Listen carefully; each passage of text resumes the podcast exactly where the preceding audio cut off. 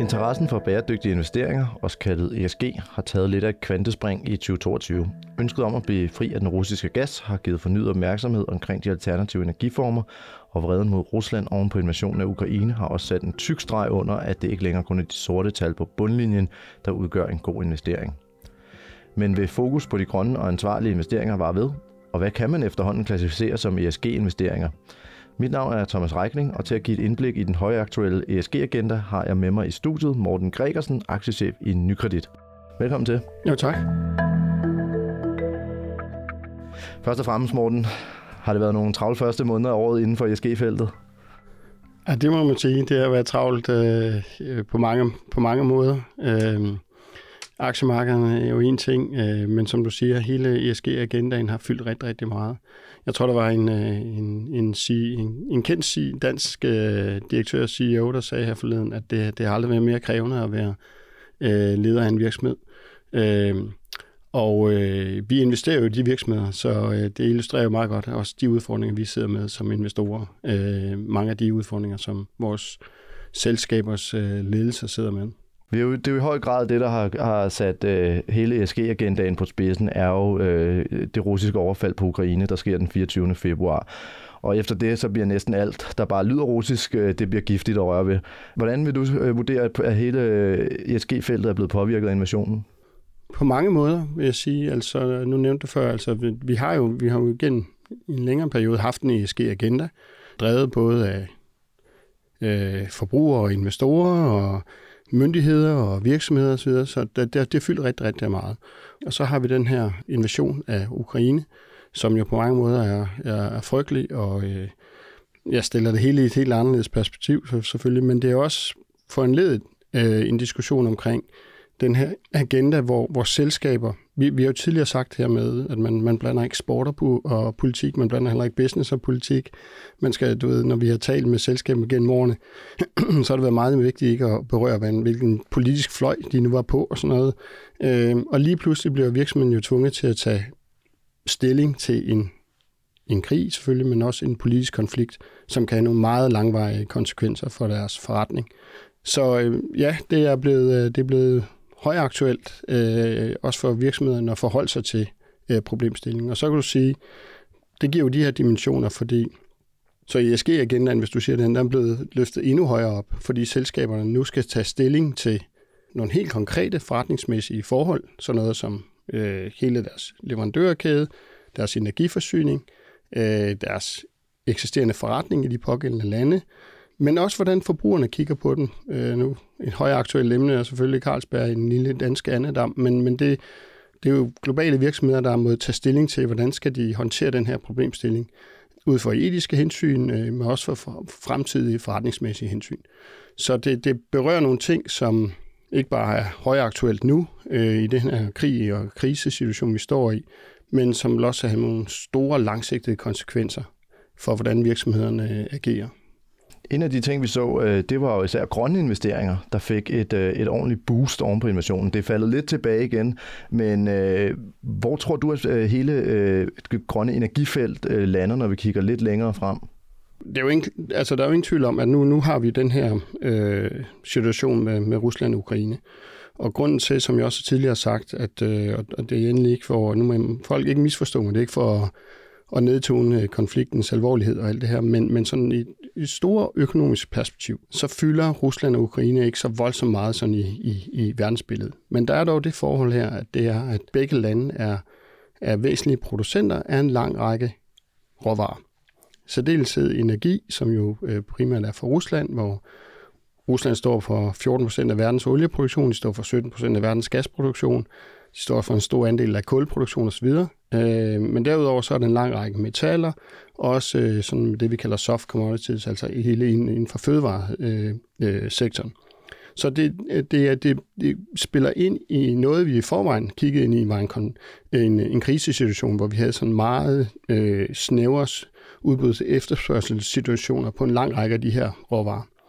Og det forstærker den her problemstilling, så det er jo skubbet til den inflationære agenda, øh, og det kommer til at ramme forbrugerne øh, i en vis omfang. Så der er helt det spil, spil i det.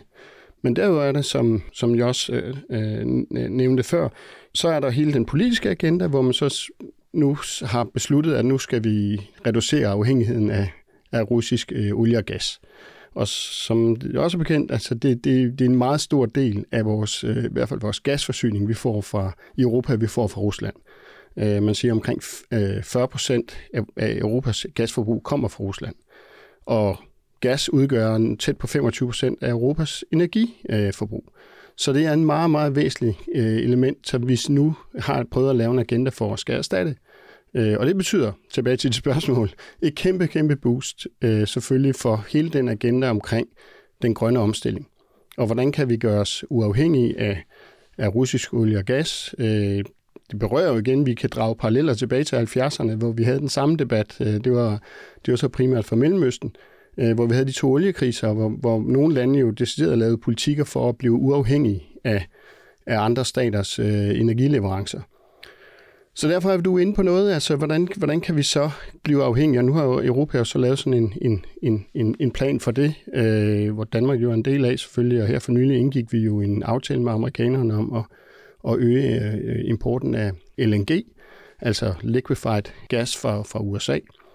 Øh, men det handler også om, at vi skal øge øh, investeringer i, i grønne øh, løsninger.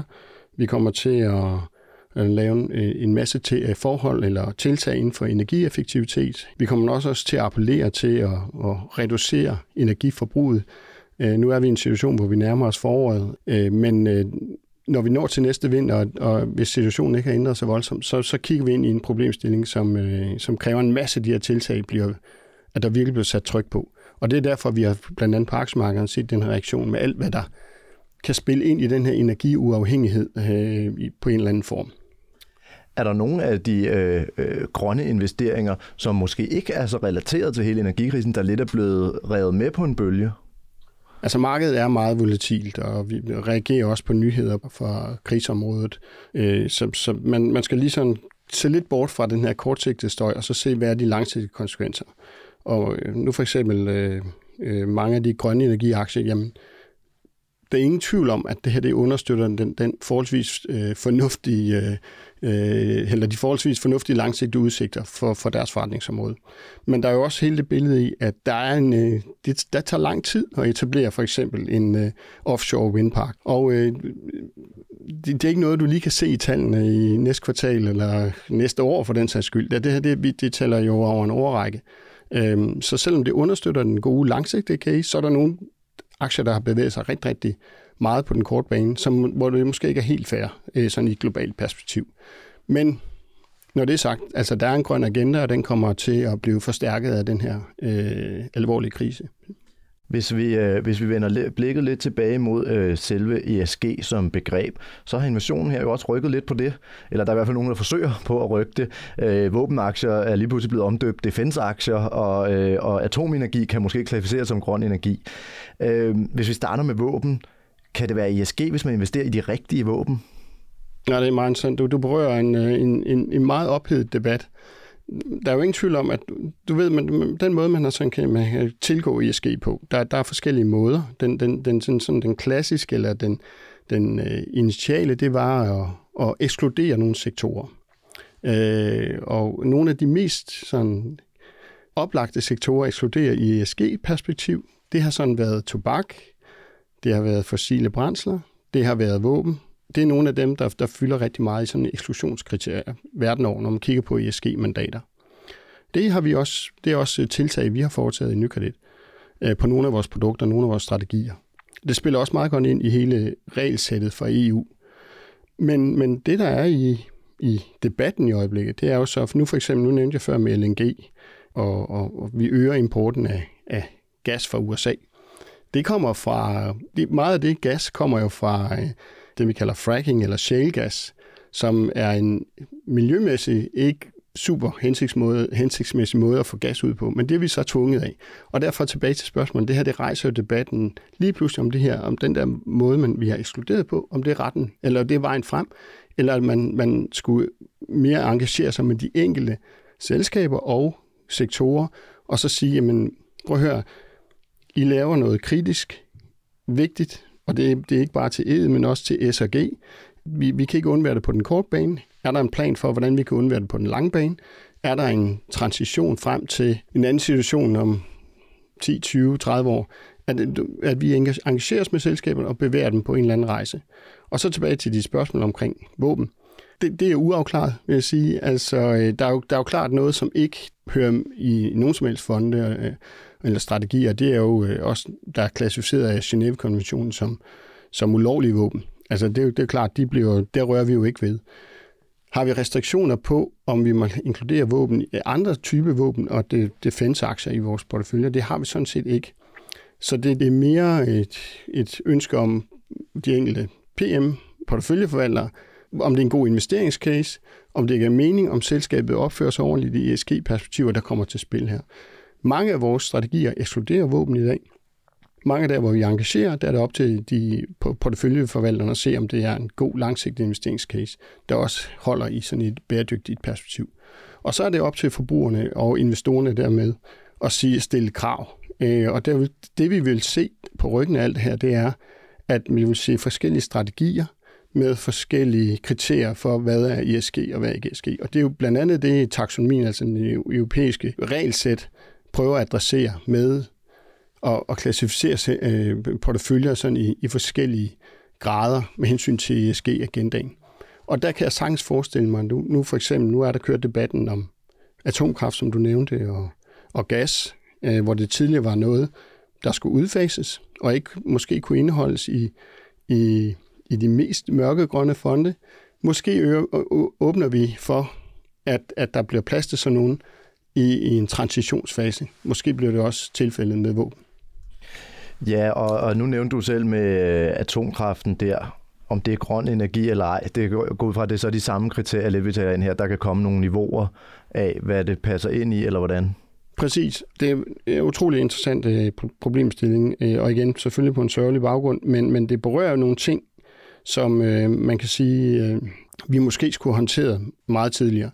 Altså, jeg kan huske tilbage til øh, COP15 i København, det store klimatopmøde, hvor, øh, hvor verdens ledere var samlet i København for at lave øh, en, en langsigtet klimaaftale. Og på det tidspunkt, ikke af argumenterne var jo blandt andet, at man skulle gøre sig uafhængig af ekstern energiforsyning. Og man kan sige, at det er vi slet ikke lykkes med i Europa. Vi importerer endnu mere energi udefra, end vi nogensinde har gjort før, tror jeg. Øh, det er i hvert fald vokset markant siden 2008 og fremad. Så, så vi, er ikke, vi er ikke været i stand til at adressere den problemstilling. Det skyldes jo også, at selvfølgelig har vi kørt den grønne omstilling, og vi har øget andelen, at der kommer fra øh, vind og sol blandt andet. Men vi har også, vi er også i en vækstagenda. Øh, der er mange øh, europæere, der har fået to hjem og flere biler, og der er en underliggende vækst. Plus vi har udfaset atomkraft, blandt andet i, på vej til at udfase det totalt i Tyskland. Og nu begynder vi så at kigge på det der, jamen kan vi overhovedet, er det overhovedet realistisk at have en langsigtet vækstagenda, have klimaproblematikken, som er højaktuel, og som stadigvæk er der, og som vi absolut ikke må stille i baggrunden, samtidig med, at vi så også skal gøre os uafhængige af russisk olie og gas blandt andet. Så hele den debat, der kommer til at, at blive højaktuel og kommer til at, at køre i, i, i flere år. Og spørgsmålet er igen, om vi genbesøger så det her med atomkraft. Og det er allerede på agendaen i EU. Øh, jeg kan forestille mig, at det bliver et, øh, et meget debatteret emne øh, fremadrettet. Og spørgsmålet er igen, er det hovedrealistisk, vi når klimamålene? Er det hovedrealistisk, vi, vi, vi kommer i mål med, med øh, Paris-aftalen, øh, Paris-aftalens målsætninger, hvis ikke vi går den vej? Det er jo, det, det er jo også det spørgsmål, vi stiller. Så nu går vi jo ind i at, at investere i LNG, for, som jeg nævnte før, simpelthen for at gøre os uafhængige af russisk olie og gas, det faciliterer jo ikke lige frem, at vi går, at vi lykkes med, med klimamålsætningerne. Hvem tror du, det er, der kommer til at drive de her øh, debatter frem til beslutningerne? Altså er vi politikere, er det investorer, er det borgerne? Hvem, hvem kommer til at drive det her, tror du, i den kommende tid? Jamen, alle dem, du nævner, tror jeg. øh, hvad hedder det? Øh, der er jo ingen tvivl om, at hele det her situation, hele den situation, vi står i nu, som jeg sagde før, den, den øh, tydeliggør jo, at vi har en, øh, en, vi har en klimakrise, vi skal adressere. Det var ligesom det, også de spørgsmål, du startede med at stille. Det, det, det, var ligesom, det var toppen af agendaen. Det var nu, vi skulle rulle en masse forordninger ud. øh, regelsæt ud, vi, vi skulle stramme op på den måde, vi som investorer forholdt os til det. Så får vi så den her krise eller krig situation oveni, som kan have meget store langvarige konsekvenser. Nu kører aktiemarkedet op og ned på nyheder, som jeg nævnte før, men det ændrer jo ikke ved, at selv når der kommer ro på konflikten, i hvilken form det nu ender med at blive, jamen så, øh, så tror jeg, vi har sat nogle, nogle tiltag i gang, som gør, at det, det er meget usandsynligt, at vi vil vi i hvert fald, at vi ikke reducerer vores import af energi fra, fra Rusland, men betydeligt over den næste 5-10 år. Og så har vi også en vækstagenda, som forbrugere og befolkninger øh, altså stiller krav om, øh, og politikere stiller krav om. Og alt det der skal gå op i en højere enhed. Det skal finansieres. Det kommer til at koste på væksten. Er vi villige til at gå den vej? Det, det, det er jo hele den der debat, som, som kommer til at fylde rigtig, rigtig meget. Og øh, der kommer vi alle sammen til at skulle øh, agere i, øh, på en eller anden form. Hvis, øh, hvis vi lige tager her til sidst, øh, hvad skal jeg som øh, investor holde øje med, hvis jeg gerne vil investere bæredygtigt i den kommende tid? Altså det, det, det virkelig handler om øh, for os, og jeg tror også, det er den, øh, det jeg også prøvede at sige øh, tidligere i det her interview, det er, at øh, det handler rigtig, rigtig meget om, hvordan de, de selskaber, vi investerer i, hvordan de agerer på den lange bane. Hvordan forholder de sig til ESG-spørgsmålet? Flytter de sig? Stiller de krav? Laver de nogle målsætninger, som de kommer til at eksekvere på? Og det bliver det her, vi, vi står i en, en transitionsfase, både med vores energiforsyning, vores transportsektor, hvor den måde, vi bygger vores huse på, den måde, vi opvarmer vores huse på, alt det der, det er vigtigt, at selskaberne forholder sig til det og faciliterer, at vi lykkes med den her rejse her. At vi så samtidig prøver at adressere øh, energioverhængighedsproblemstillingen og vækstagendaen, som jeg sagde før, gør det bare endnu bedre. Hvis selskaber og vi som investorer kan, kan håndtere den der rejse der, jamen så er det det, du som investor skal spørge ind til og kigge på, og kan de bygge en portefølje op af selskaber, der, der kan håndtere den her problemstilling. Det gør det jo bare endnu mere spændende at være både investor og øh, porteføljeforvalter i sådan et, et perspektiv. Sådan lød det fra Morten Gregersen, aktiechef i Nykredit. Tak fordi du kom. Det her var Investor Insights fra Nykredit. Du kan finde os på nykredit.dk, Spotify, Apple Podcast og SoundCloud. Tak fordi du lyttede med.